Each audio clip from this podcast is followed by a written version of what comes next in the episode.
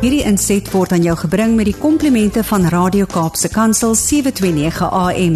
Besoek ons gerus by www.cape pulpit.co.za.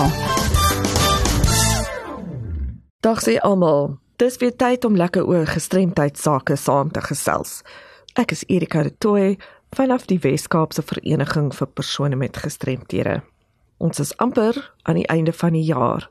Na 'n jaar van harde werk het die meeste van ons 'n behoefte aan 'n fisieke en geestelike blaaskans. Dit is ook tyd vir selfbeskouing. 'n Mens skuld dit aan jouself om perspektief oor die hoogte en laagtepunte van die afgelope jaar te kry.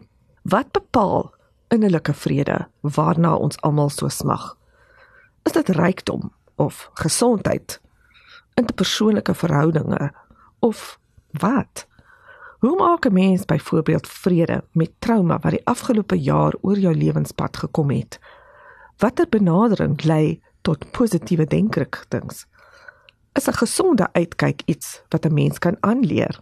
Volgens kundiges beskik elke mens oor die vermoë om soms goeie en ander tye minder aanvaarbare denke te koester.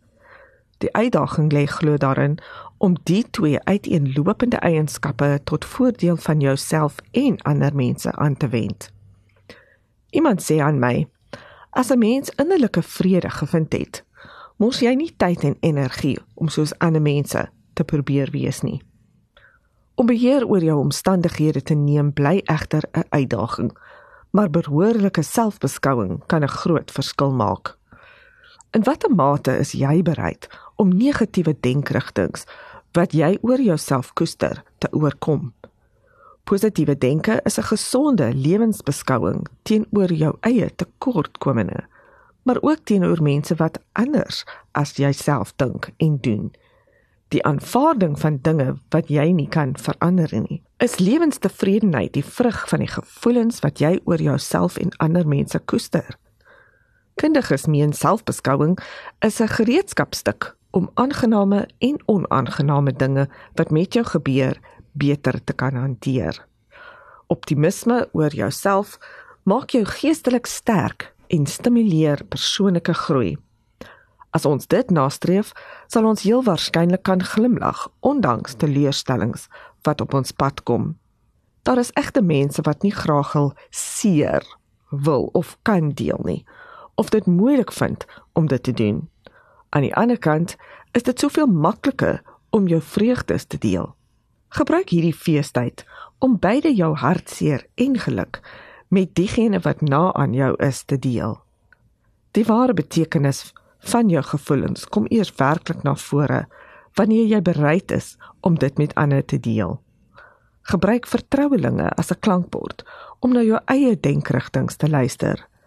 Deur jou hartseer frustrasies en oorwinnings met ander te deel, leer jy om die verskillende fasette van jou omstandighede beter te kan verstaan. Die mens is 'n sosiale wese met liefde en betrokkenheid onlosmaaklik aan mekaar verbind. Besorgde vriende, familie en kollegas is 'n natuurlike klankbord om te gebruik. Die vraag is, doen ons dit? Uit die persoon met 'n gestremdheidsperspektief Die gebrek aan geleenthede tot volle integrasie weerhou talle mense met gestremthede van ware geluk.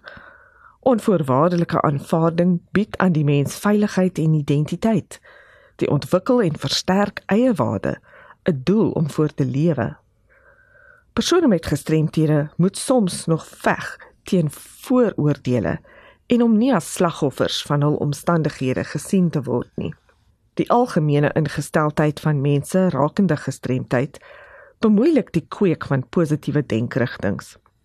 Is dit dalk die rede waarom sommiges dit so moeilik vind om die trauma te verwerk? In die algemeen gesproke, kom ons werk elke dag aan ons eie ingesteldheid. Moenie wag tot môre nie, want terwyl ons wag, gaan die lewe by ons verby. Stuur gerus enige navrae of kommentaar aan my Erika de Toy by awareness@wcapd.org.za of skakel my gerus op my kantoor by 021 355 2881